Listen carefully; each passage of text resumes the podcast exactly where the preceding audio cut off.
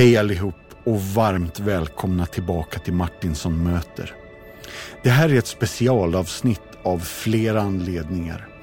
Dels för att jag har med mig en sidekick som heter Alfred Nygren, en av mina bästa kompisar. Men också för att avsnittet är inspelat 2018. Det är där specialen kommer in. Men vi tyckte att contenten i det här avsnittet är så viktig och så bra så vi vill bjuda på det här avsnittet nu. Hörni, om jag ska namedroppa lite band. Lekebergstrion. Har du hört om dem? Hoppets horisont? Eller har du hört om Terranova? Känner du inte igen något av de här banden så är det ändå så att de har en gemensam nämnare och det är Bengt Johansson. Han har varit med i alla de här och ni kommer få höra mer om detta alldeles strax. Det här är nog ett av våra längsta avsnitt men det är också ett lysande avsnitt. Bengt är en riktig pärla och jag har sett fram emot att få dela det här med er vänner. Den här podden görs i samarbete med Compassion och Compassion är en fadderbarnsorganisation och jag tycker att ni allihopa ska bli faddrar. Nog om detta. Nu ger vi ord och jag höll på att säga ton till Bengt Johansson.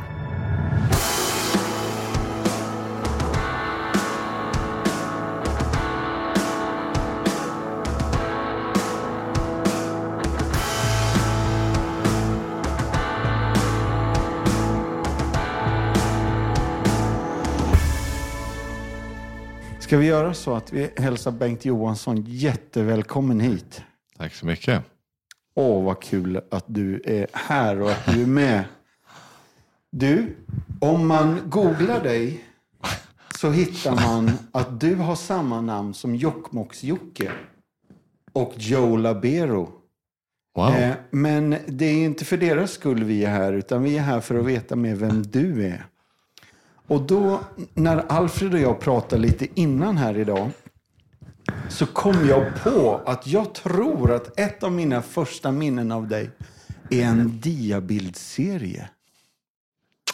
Jaha, som, som Vet du vad jag heter... pratar om? Ja, jag skulle tippa att det handlar om Evert och Pärlan eller Ja! Evert och muren. Ja! det fanns, gjorde ett, två stycken. Gjorde.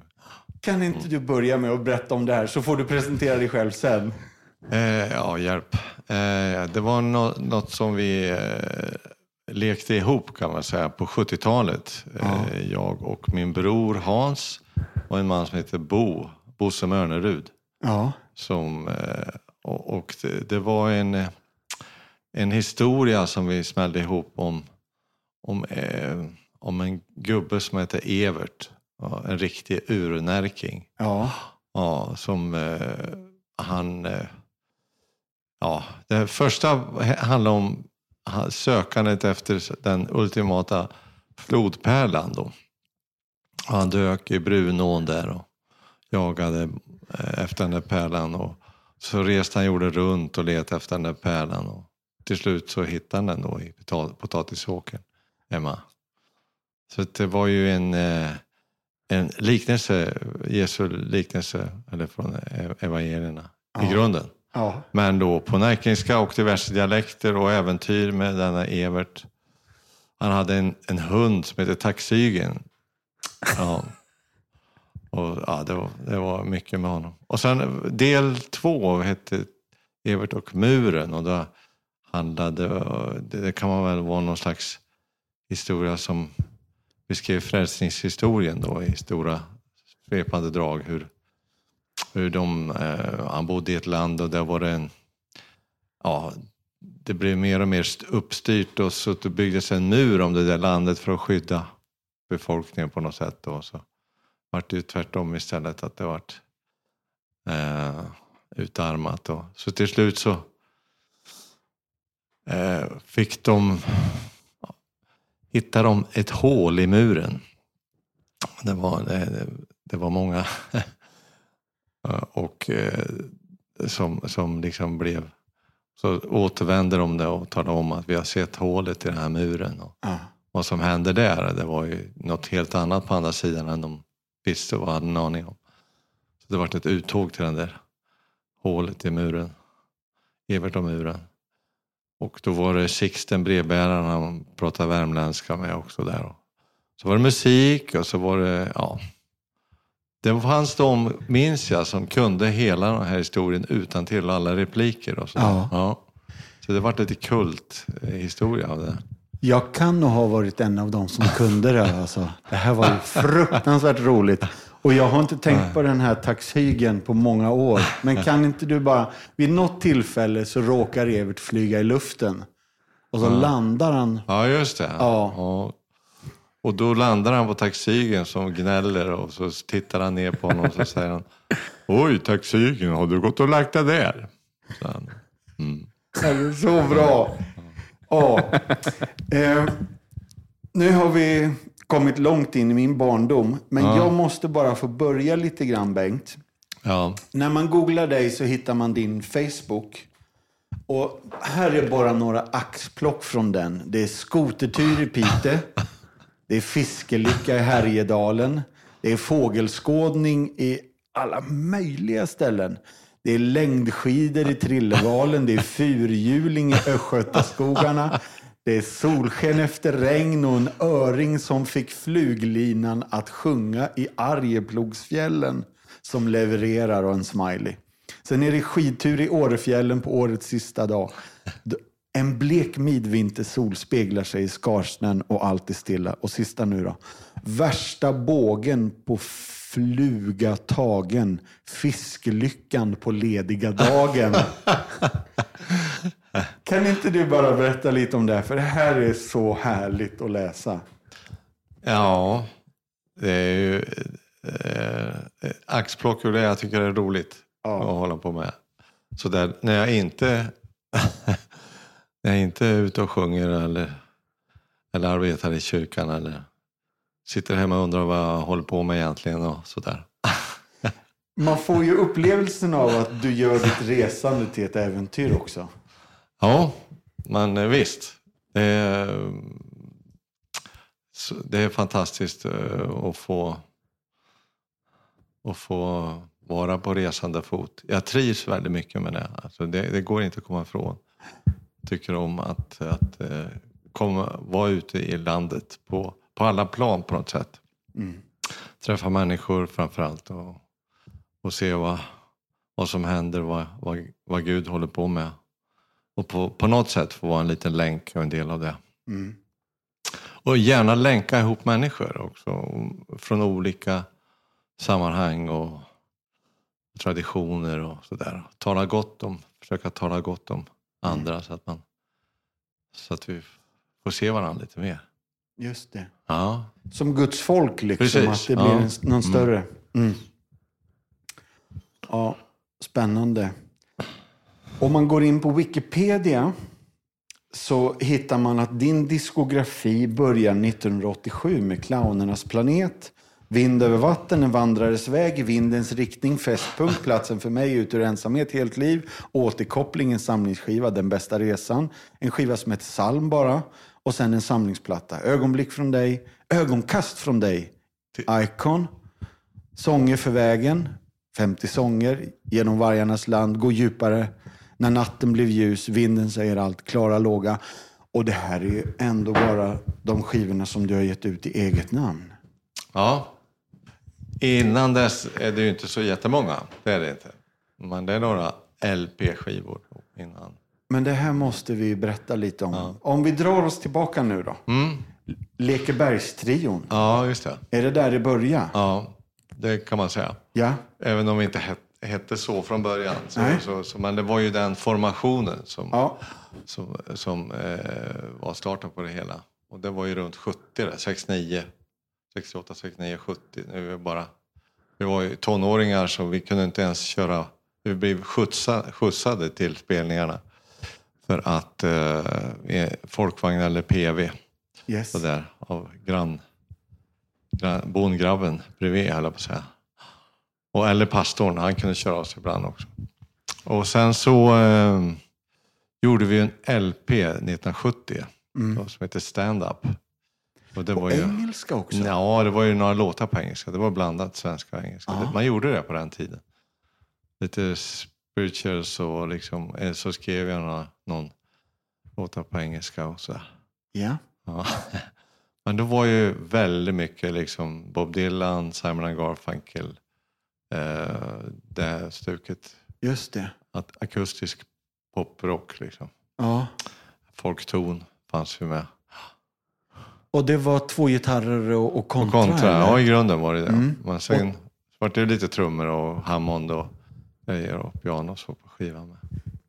Eh, för jag upplever det som att det var lite sån singer-songwriter-starten och sen blev det mer blues och, och mer Ja. rock'n'roll in på 70-talet Mm, eller? Det stämde bra det. Eh, för jag, jag, man, jag, jag hörde ju Clapton liksom. Du vet, jag gillar ju det väldigt mycket. Jag gillar Stones också. Ja. Så det vågar jag ju inte säga till någon. Det var ju lite tabu. Det är gött att du får säga det här nu. Ja. Kommer jag, jag vet vad jag var när jag hörde Honky Tonk Women för första gången. Det är så bra. Ja, det är helt grymt, det här gitarriffet liksom. Och då, Ja. och likadant när jag hörde Hide, Hideaway med Eric Clapton and the Blues Breakers. Då, jag var sjuk och låg hemma och, och de körde den på radion. Och, ah, det var sånt sväng. Jag vart ju frisk på kuppen. Ja. Det var ju, och jag visste ju liksom, det här, det här måste jag göra, det här måste jag lära mig. Så att eh, jag skaffade ner gitarr, tror jag, 72 år, där någonstans. En Fender Coronado. Halvakustisk Fender-gitarr. Och sen så, min första Strata köpte jag 74. Eh, ja. Och det, var, jag, sen, jag började på Musikhögskolan uppe i Arvika och det var ju klassiskt gitarrspel. Så man, jag gjorde på kvällarna var ju att jag försökte, satt där och plankade mina gitarrhjältar. Ja. Jag hade gjort läxan. Så att eh, det var ju, och jag försökte implementera det liksom i Lekebergstrion då, rocka till det. Men men det är rätt coolt med kontrabas och liksom elgitarr. Ja. Men det tyckte man inte då utan jag, jag motade iväg Hasse, min bror, och köpa en Fender Precision då. Så, Yes. ja. Och sen så fick vi ta på en trummis så småningom, 75. Där då, som vi började repa med när vi flyttade tillbaka till Örebro 76. Just det. Eh, Och sen 77 någonstans, så tror jag var första spelningen så riktigt som det, ja, körde med full, full rocksättning. Så där. Ja. Var det fortfarande Lekeberg eller hade det blivit Hoppets? Nej, då hade det blivit hopp, Hoppets, Hoppets horisont. horisont. Ja, precis. Ja. Eh, ja, det tyckte jag var ett fint och poetiskt namn. Det var ju lite sådär, eh, eh, det tänkte man inte på då, lite befrielseteologiskt Ja. touch på det hela. Och jag kommer ihåg alltså, när vi var nere på en turné i Skåne, det var några år senare, och det kom in en skån, skåning vet du, och, och lyfte med oss. Och, är ni någon eh, kommunistisk teatergrupp? sa han. Då började vi fundera på ja. byta namn. Vadå, stod det Hoppets horisont på bussen? Jajamän. Ja, Ja. ja. Fast det här var ju, ja, var ju fem år senare. ja. Men det är ju ganska avancerat att ha en buss med loggan på alltså. Ja, men det, där... eh, jag- var ju, eh, jag studerar ju, jag höll på med bild också, så jag studerade konstvetenskap och konsthistoria i Uppsala ett år. Där i slutet på 70-talet. Och när vi kom tillbaka till Örebro ifrån där och så då var jag helt inställd på att liksom återuppta det här musiken på riktigt. Mm. På djupt allvar. Och jag tänkte att okej, jag ger det tre år. Ja. Och så började vi eh, ja, börja samla musiker och då, då var det bara trummisen kvar från, från det gamla Hoppets horisont så att säga. ja. Sen var det nya killar, bland annat Lasse Johansson som du känner Ja. väl kom. Sen var det två killar från Kristinehamn. Och, ja, en tjej som var med och köra. Så, eh, och så fick vi skivkontrakt 82 på signatur. Mm. Och det var ju, det var ju en dröm, alltså att få skivkontrakt på den tiden. Det var ju en verkligen smal lycka. Ja. För att det var, det var, då, det var ju det var då det kunde låta riktigt bra. Man, man fick spela in i en riktig studio och sådär. Det går liksom inte att föreställa sig riktigt idag hur det var. För att, eh, du måste ha en riktig stoderbandspelare och liksom, du måste ha det där dämpade soundet och rummet och Just det. hela nivebordet och allt det där för att det skulle låta bra. Mm. Och då bekostade de hela den här produktionen då. Och eh, det var Peter Sandvall som blev, blev eh, producent. Mm. Okej. Ja. Ja. Nu pratar jag på här. Ja, Det gör är grymt. det bra. Men, men någonstans längs vägen, Hoppets Ja. horisont, och det här höll på 77 när, och plattan var 82. Ja, Men sen blev det Terranova eh, 84, 85, 86. ja precis. eller? 84 blev det Terranova. Ja. Eh, så att det var Nästan ju... samma band eller? Ja, Ja. Det, det var nästan samma band. Vi bytte trummis. Eh, då kom Pelle Claesson in i bilden. Just det. Ja. Ehm, och han, han, han började väl 83 tror jag. Eller 82. Mm. 82 83. Han var sånt underbarn ifrån Odensbacken. Eh, Mm. 15 år gammal. Mm. och, och riktigt, riktigt duktig kille. Mm. Eh, och sen slutade Lasse småningom också. Johansson kom en ny gitarrist. Men han var med fram till 84.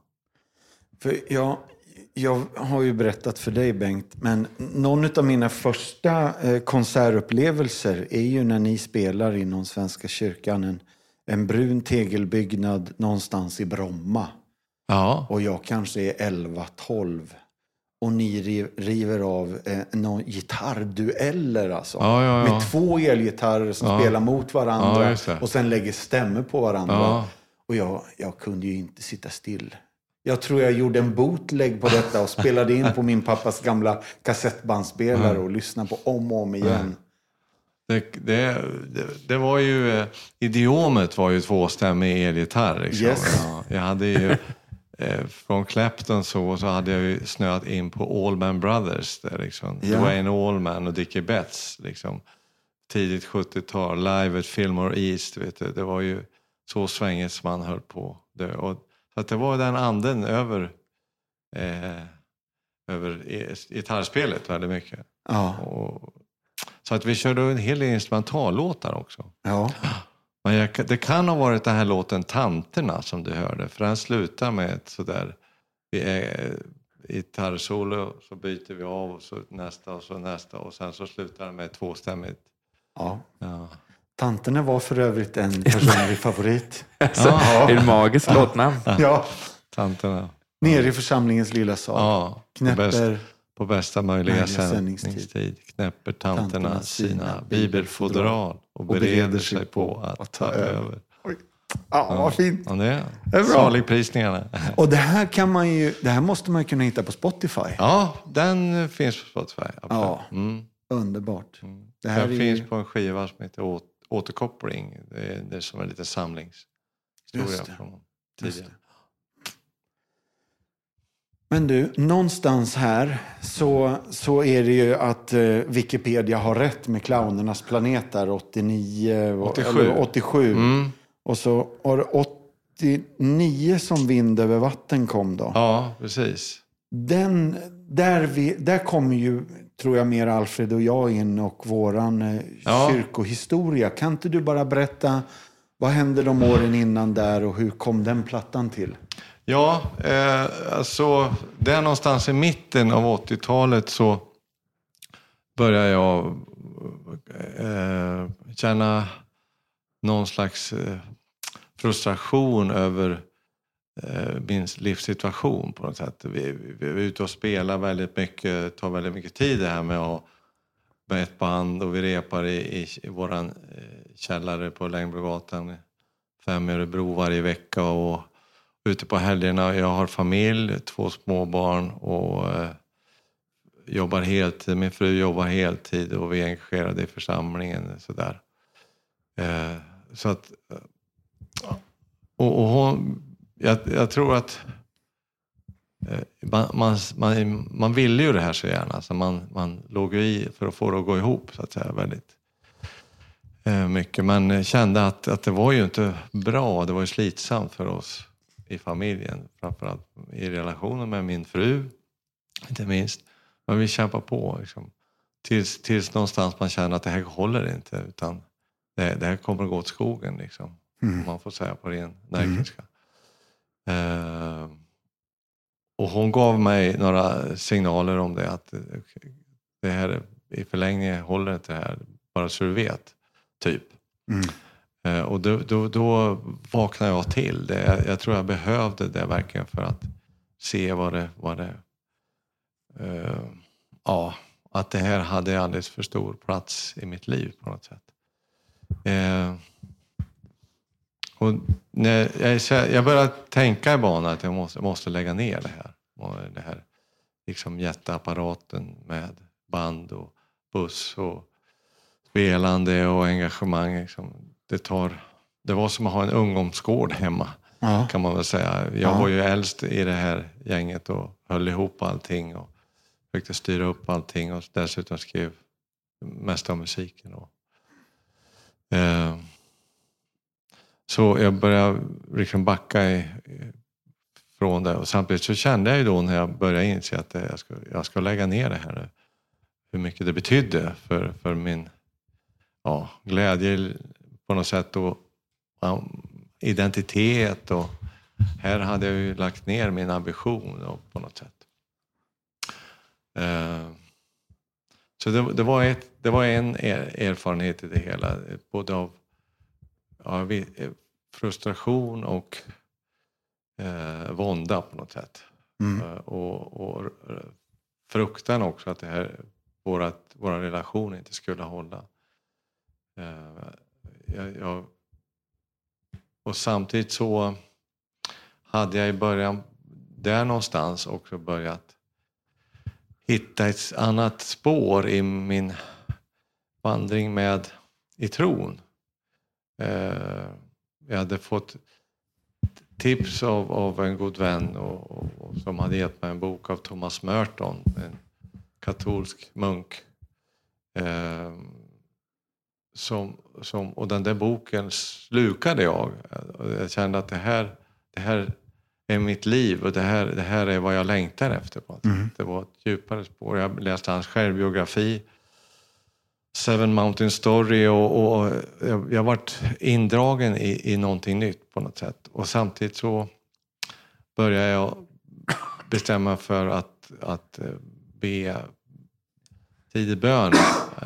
Försöka hålla det regelbundet då. Eh, och min, min, jag, tänkte, jag försökte också liksom ta tid att bara vara, vara i stillhet inför, inför Gud. Och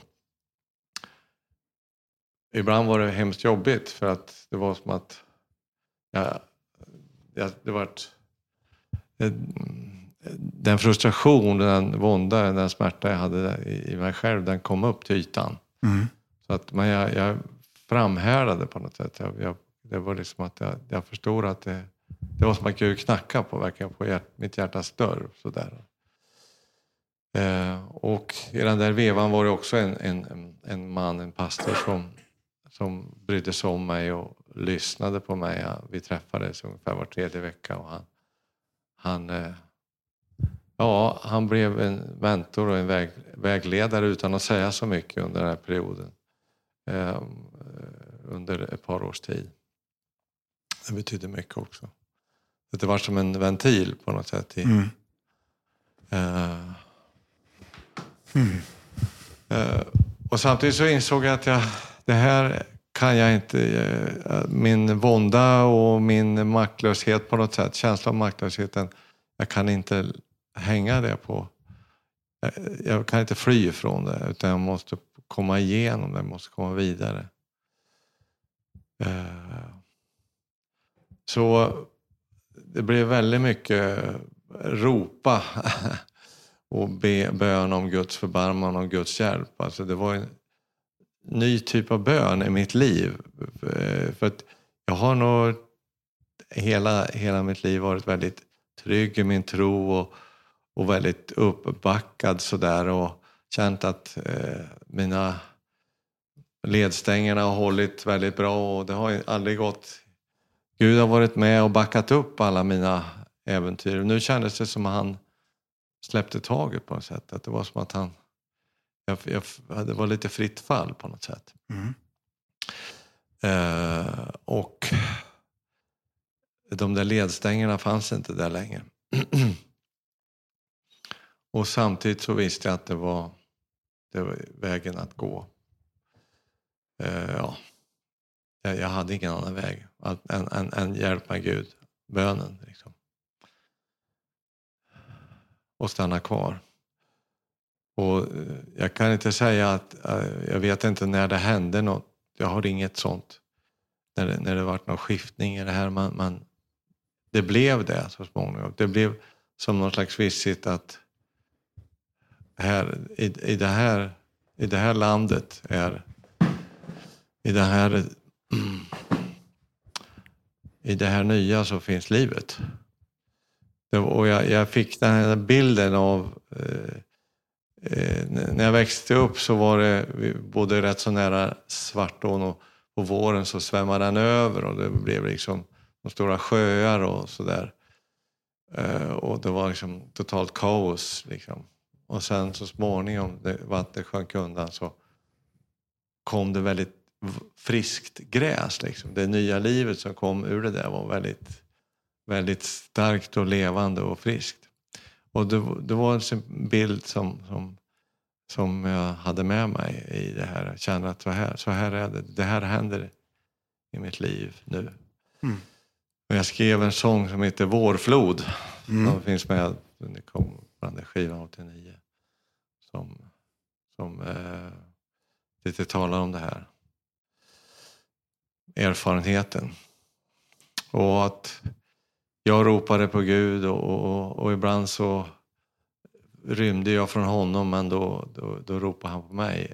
Det, det, var, jag hade en dröm, en, en väldigt märklig sådär halvvaken dröm. Att jag, jag gick på en väg, en sån där vacker sommarväg vet du, med en grästäng i mitten. Och jag visste vart jag var på väg för att det slutade med en gräsplätt och sen så var det en stig ner mot, mot ån där jag brukar fiska och så. Så det var en sån där ljuvlig plats där man var på väg till den där drömmen. Och så kommer Jesus och går vid min sida. Liksom jag ser att han kommer över, över, över åkern och, och vi möts där. Och han vänder sig mot mig i drömmen då och blir jätteglad. Och, och jag blev alltså full av känslor. Och han är så nära och han är så levande och han vill att vi ska lägga oss ner i gräset där och, och ta ett grässtrå i munnen och vill prata. Och, och jag, inom mig så, så är det en röst som säger kom inte för nära, då kan du inte tänka klart. Så att jag reser mig upp och springer därifrån. Liksom. Mm. Och så vaknar jag upp ur den där drömmen och inser att eh, där är jag i mitt liv. Liksom. Jag vågar inte släppa honom för nära. Och samtidigt så, så var jag också där att jag ville det. Liksom. Jag, det var precis vad jag ville. Det var precis vad jag längtade efter. Mm. Eh, och jag, jag kommer ihåg, jag läste och varje gång det stod av hela hjärtat i skriften så, så bara hoppa ut. För jag, det verkligen betydde något av, av hela hjärtat. Det var inte bara en vacker omskrivning utan det var en det var verkligen vad jag ville. Mm. Av hela hjärtat. Mm. Ge mig hän. Ja. Att bli fadder, det är ett litet sätt att göra en stor effekt. Det är en förhållandevis liten insats från dig men det ger ändå en maximal påverkan för fadderbarnet. Vi som privatpersoner kan ju inte individuellt lösa världens fattigdom eller mätta hela världens hunger.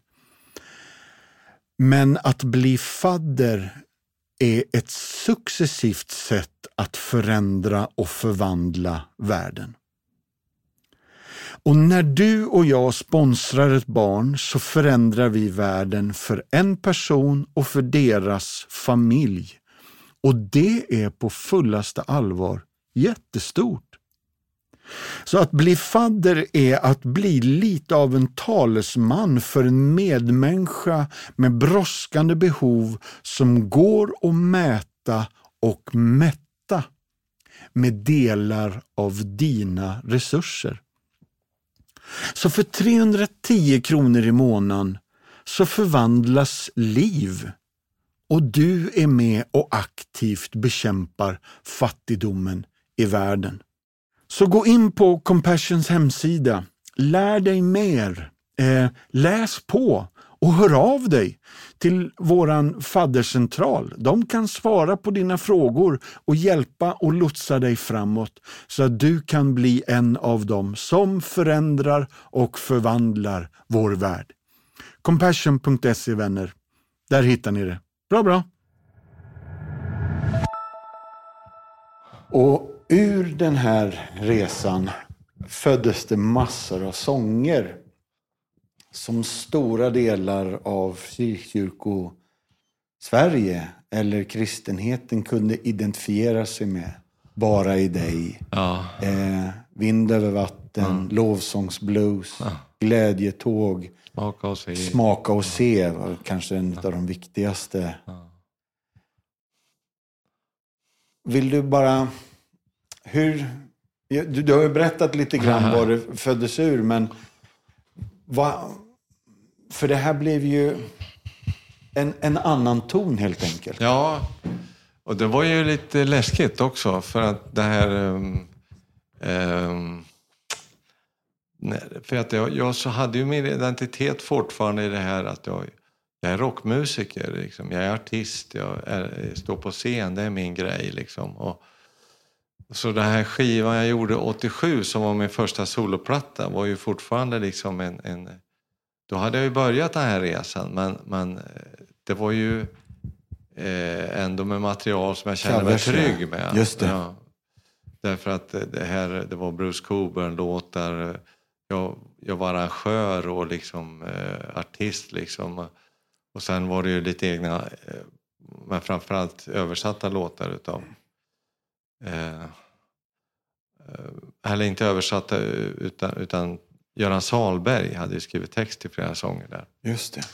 Men det fanns en låt som hette Jag, jag lever på gränsen mm. på den skivan. Och den är ju lite sådär, där var jag vid den tiden. Liksom. Det, var, det var eh, ett gränsland på något mm. sätt.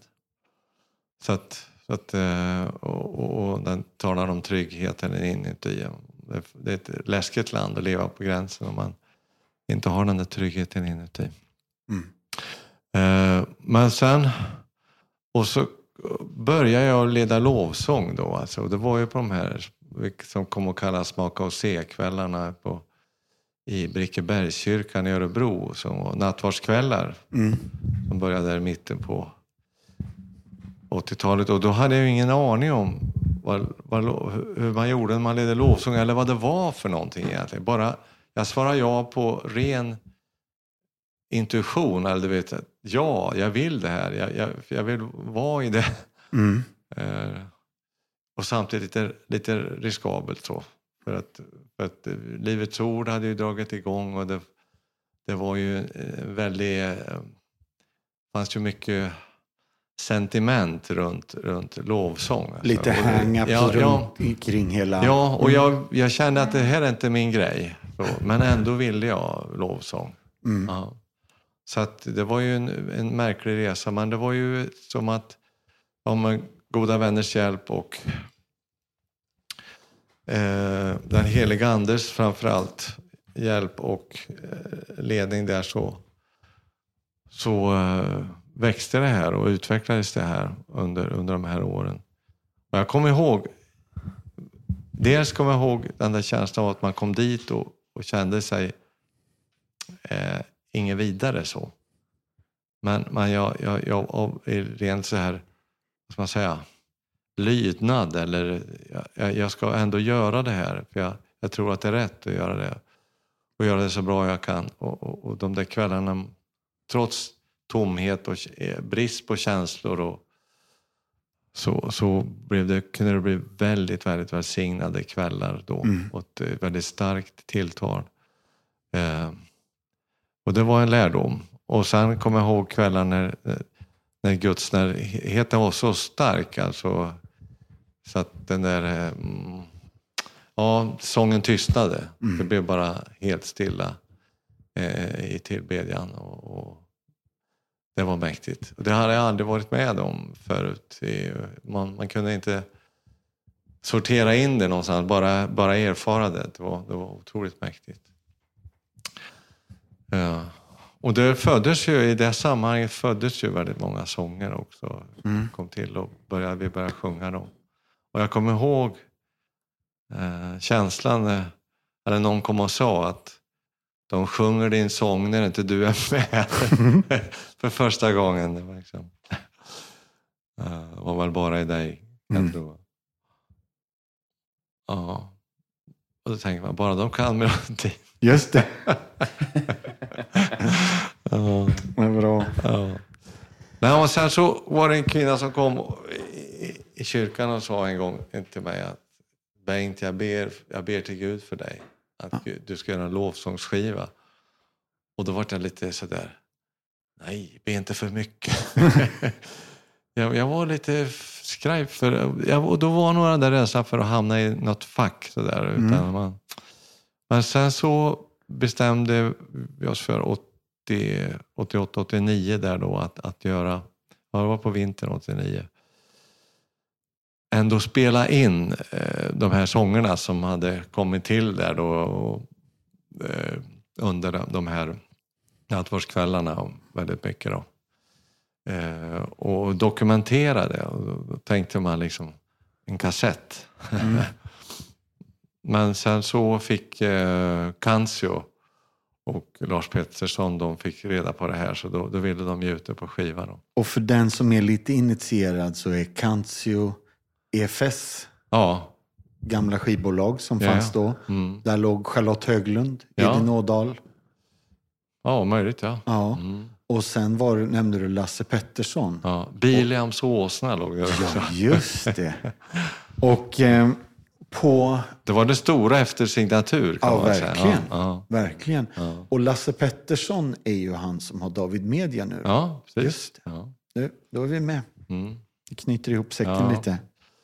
Och då vet jag att jag efter den skivan kom ut då, och, och då kände jag att efter Terranova, vi la ner det 87 och jag gjorde första sol- soloskivan och, och, och det där. Men sen var det en lång period, jag, jag var tillbaka till rötterna och lyssnade på den, min rotmusik, liksom, det, jag, det jag hade vuxit upp med och det jag älskade. Så, att säga. så det var tillbaka till det här enkla gitarrbaserade eh, ja, amerikansk rock liksom, alltså i den där och, vad man säga, ursprungskänslan. Jackson Brown och, och Dylan och så. Så att, så att det var det jag hade med mig in musikaliskt så att säga, i det där. Väldigt mycket. Just det. Och då kommer jag ihåg efter jag hade, när jag kommit ut och det var ändå väldigt mycket positiva respons. Och jag kunde inte fatta det. Ja, men, eh, och det var precis som att, okej. liksom.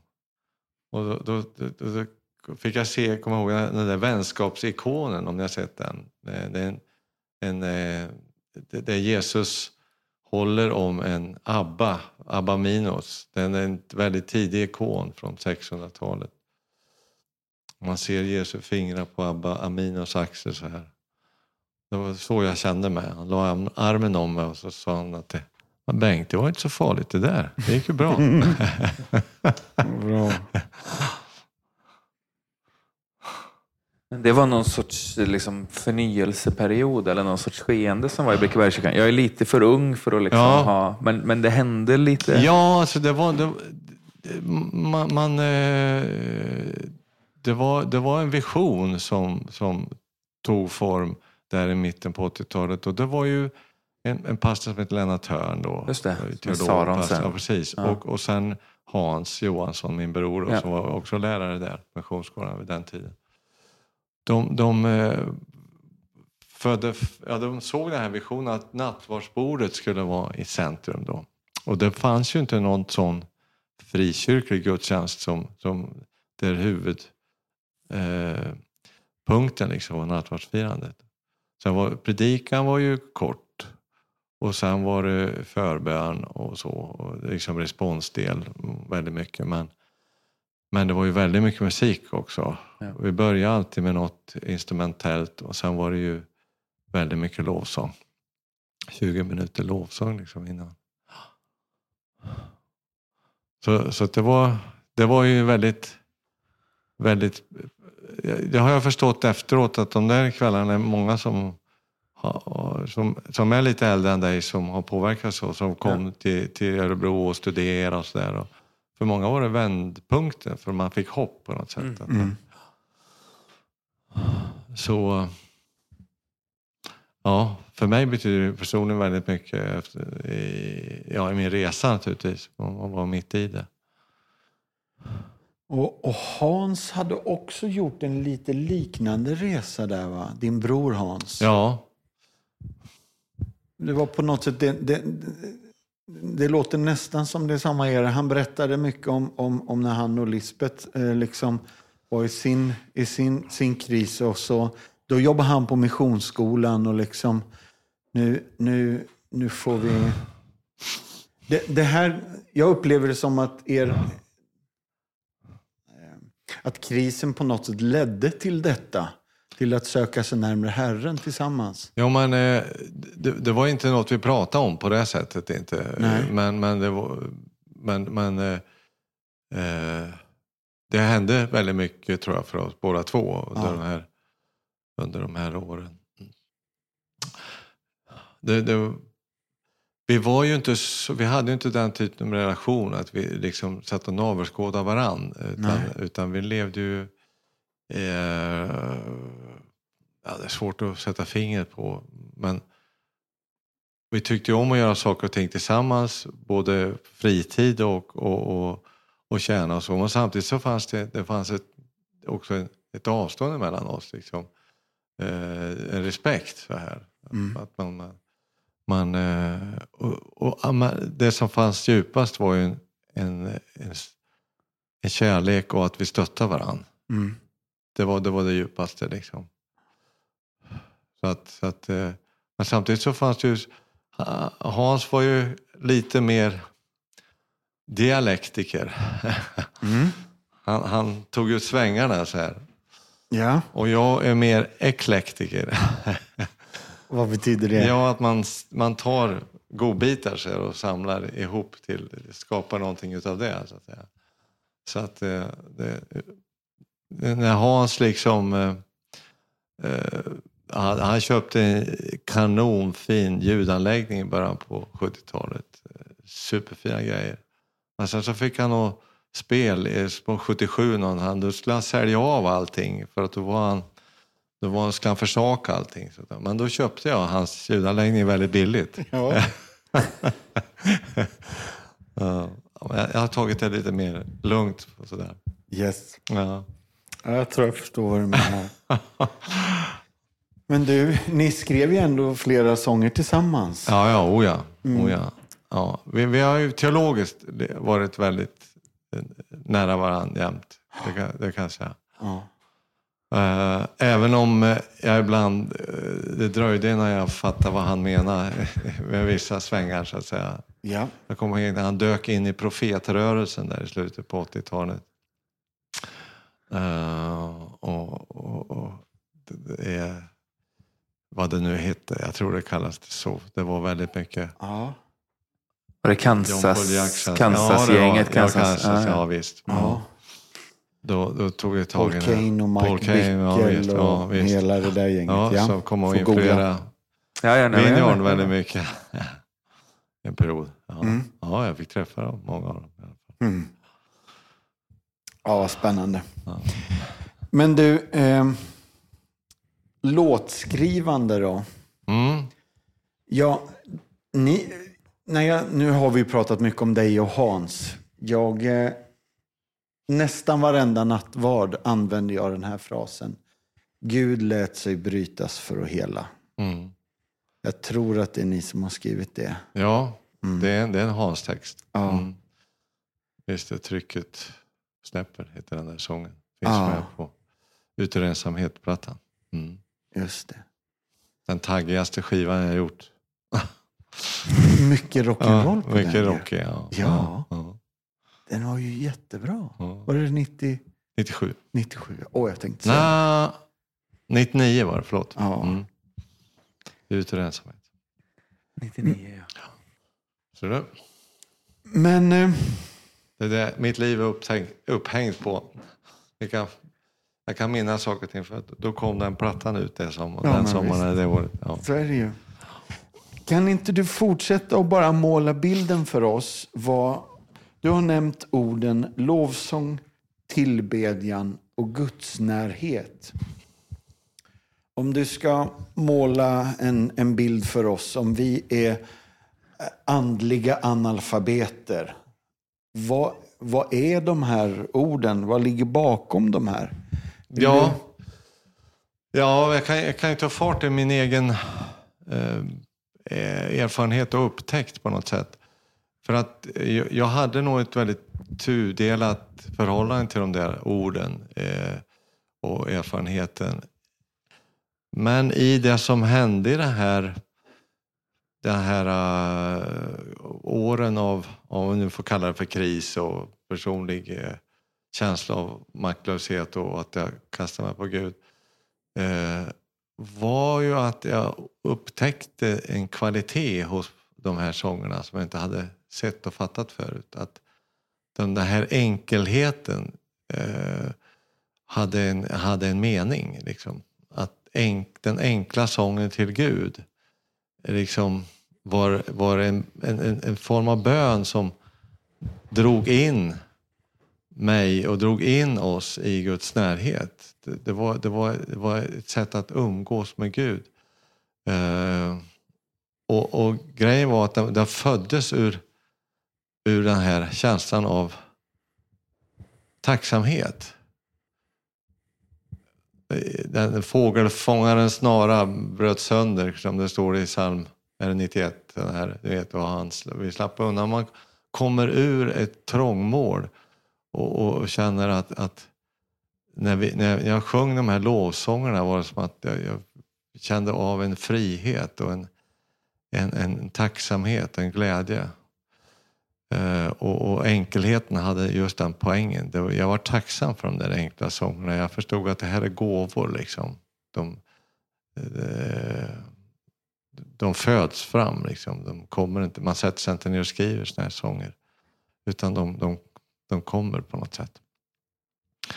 Eh, så att eh, lovsång kom att betyda någonting för mig personligen. Eh, det var, det var eh, det, det ljuvligaste jag visste det var att få, få sjunga lovsång och träda in, Att liksom, lovsjunga Gud och lovspela till Gud. Det var, det var en ny dimension i min musik och musicerande eh, som, som, som, som var så väldigt stark och påtaglig. Och, och det där glädjen i att leda lovsång när man fick, fick i ett gudstjänstsammanhang liksom, sjunga de här enkla sångerna och se att människor tog, eh, blev hjälpta i, i, sin, i sin lovsång och öppnade upp för, för Gud. Och det som hände då i rummet blev en, det var en helt ny erfarenhet för mig. Mm.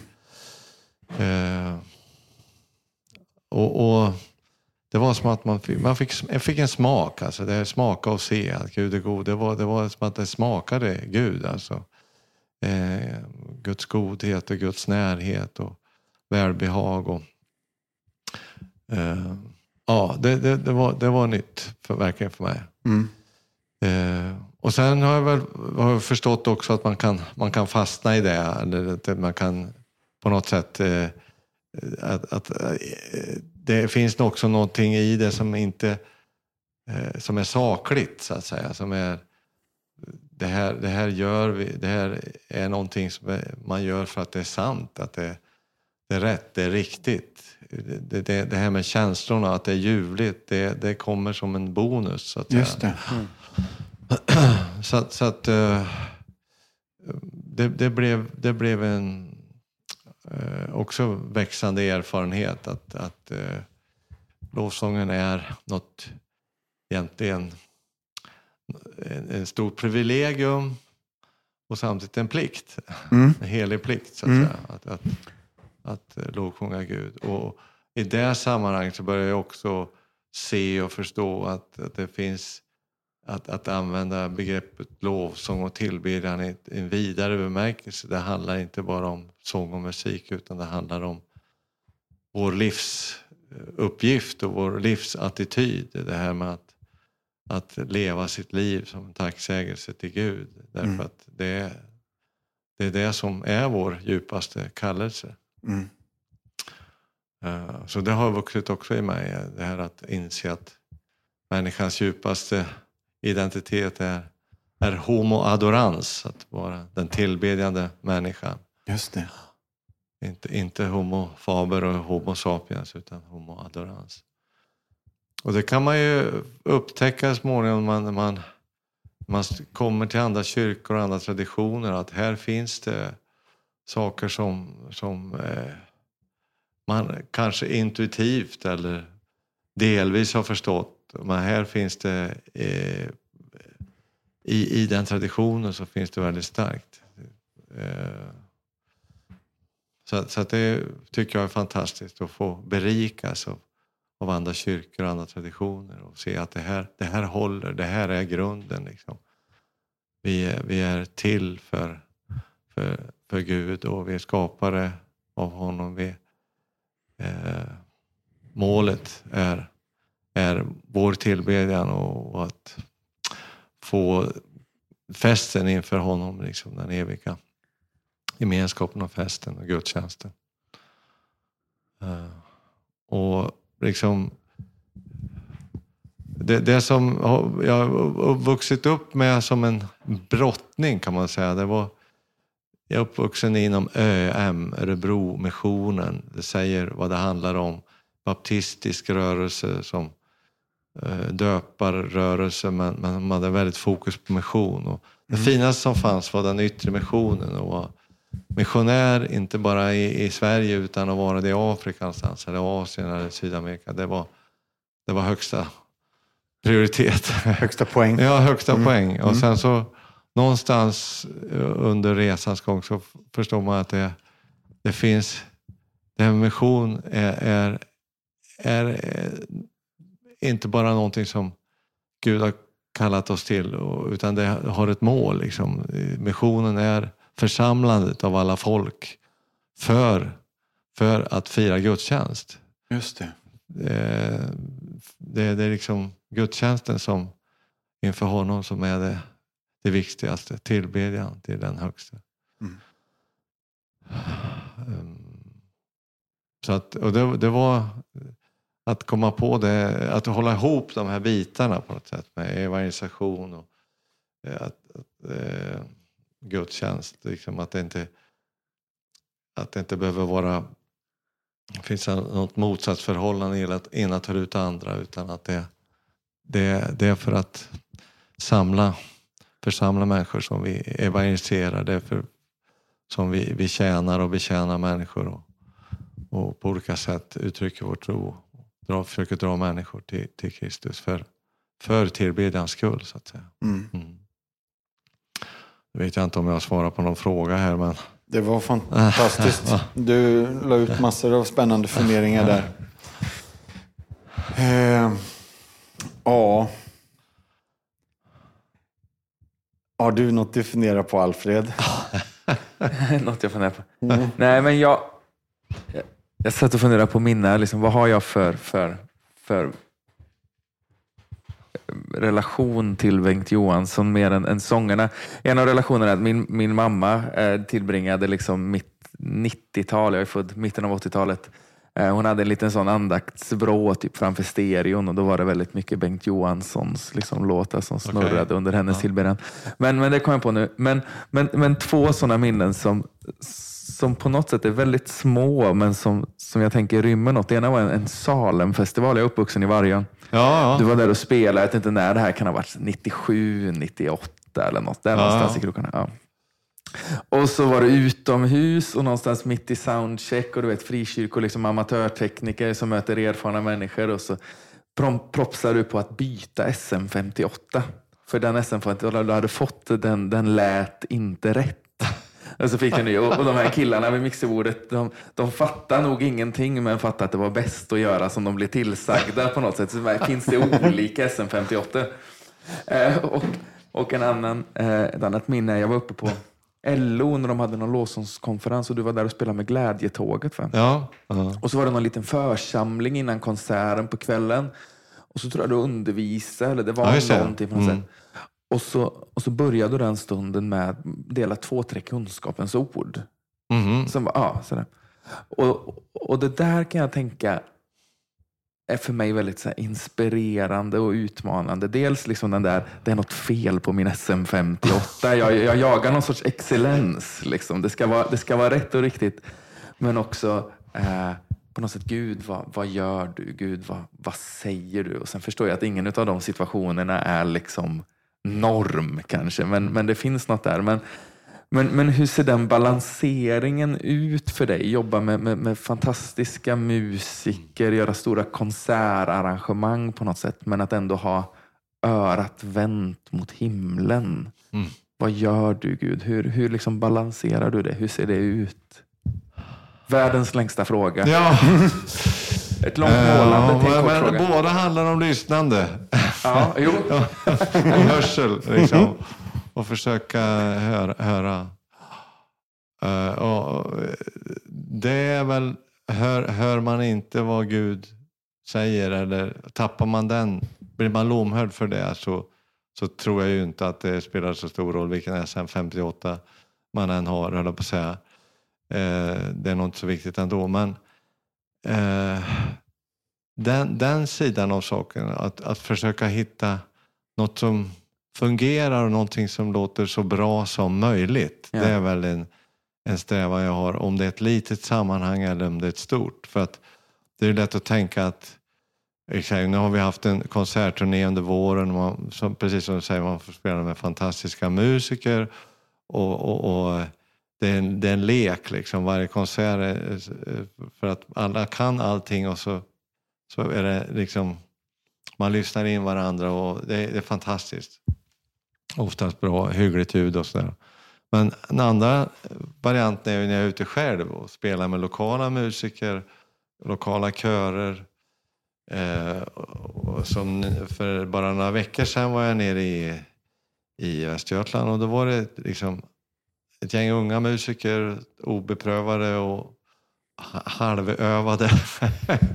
och då gäller det att göra det bästa av den situationen också. Det, en, det tycker jag är en utmaning så att säga. Att även då byta F- SM58 om Ja. det går så att Ja. säga. Och ibland så kan det ju hända att man, om man känner, man, man blir, man får inte bli irriterad.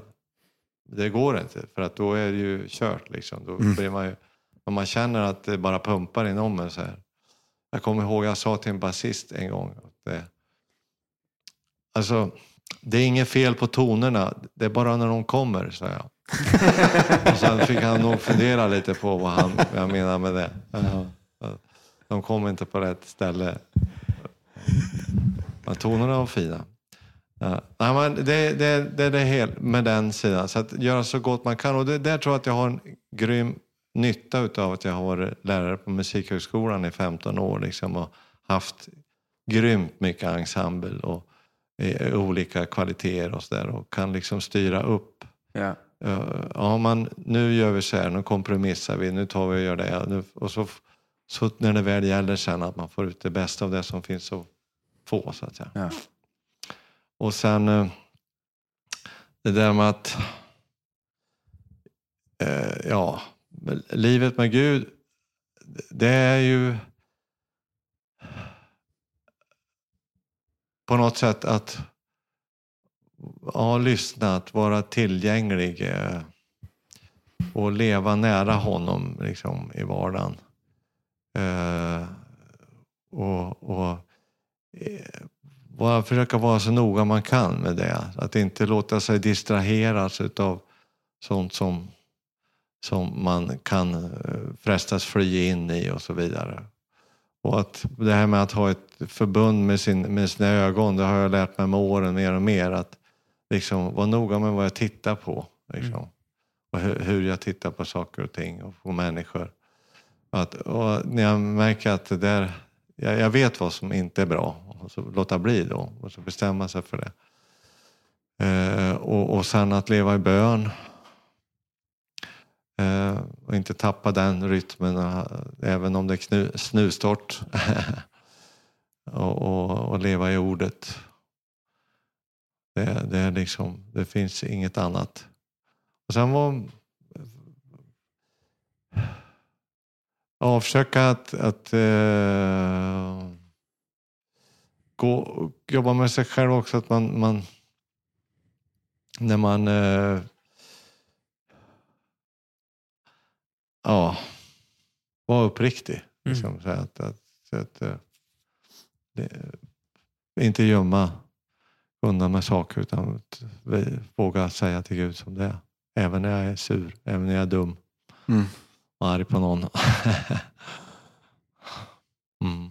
Ja, jag tyckte hela den, den, den, den grejen uppe på LO var väldigt fin för någonstans så, så blir det ändå så här, nu ska vi gå på konsert. Alltså det blir ju mindsetet hos folk. Ja. Nu är det liksom, och, och det är liksom det försiktiga pekandet tillbaka till vad det handlar om. För det är ju hela tiden ett, ett rums förväntan som man ja, hanterar också. Ja, men det här är vad jag tror. Ja. Gud, inget, inget stort, inget märkvärdigt. Men, eller ja, märkvärdigt är det ju för att Gud talade till människor. Och, och så rörde han vid dem. Så, att, ja. så, så, så, men, ja. Jag tyckte det var en väldigt sån fin ja. Roligt att höra. nyans i att ja, men nu, lyfter vi liksom, nu mm. lyfter vi blicken på något sätt. Jag kommer ihåg, eh, alltså, jag, jag tror att eh, min... Eh, jag har ju skrivit en hel del lovsånger som är direkt riktade till Gud och och jag har översatt en del och så vidare och som används och brukar så. Men, men så har jag också skrivit rätt så mycket sånger som, som är, handlar om den här vandringen, om det här livet som inte är så lätt alla ja. gånger. Och, men, men det Gud är och det jag får uttrycka med en bön i sångerna. Och, eh, och på något sätt, det finns, det finns en, en eh, en tröst i det och en, hur, hur Gud kan förvandla sorg till, till glädje och till hopp och. Så, så att det, det där att jag tror det är viktigt att sången också och lovsången får betjäna. Mm. Eh, att den inte bara blir det här att den är krävande så att säga för oss. Att vi, mm. Nu måste jag gå in i någon mod så att säga. För, utan, utan att man, det, det, det, du tas med dit. Liksom. Att, att man får, det är okej okay, liksom, att vara på den där resan. Um, jag, och, det jag känner ibland man kan uh, som är risken med väldigt volymstark lovsång som är väldigt medryckande och sådär att man känner baskaggen liksom i bröstbenet så här hela tiden. Och är det Gud eller är det baskaggen? Liksom? Mm. Är det den heliga ande eller är det liksom trycket i rummet liksom, och förväntan? Och, Just det. Eh, och det, det, det, måste vi tänka på. Det mm. måste vi ha med, liksom, tycker jag, som, om, om vi får tala om oss som, som håller på med lovsång. Mm. Mm. Att vi har ett ansvar där och liksom veta det att eh, den helige Ande kan också tala och talar inte sällan ännu starkare i den stilla susningen i det enkla och sådär. Mm. Att man kan ha den där beredvilligheten liksom, och lyssnandet där också. Välja sånger och möta människors eh, det de är. Mm. Och det, det är väl något som man lär sig förhoppningsvis med åren. Det där att vad, hur är det i det här rummet nu? Eh, Liksom, Mm. vad, vad, vad kan hända här? Att man inte eh, försöker göra något som inte går att göra. Men samtidigt är beredd att göra det som, som man med sin samlade erfarenhet och Guds andes ledning ändå utmanas att göra Mm. i sin ledarfunktion. Mm. Jag tror att vi måste gå ner för landning snart.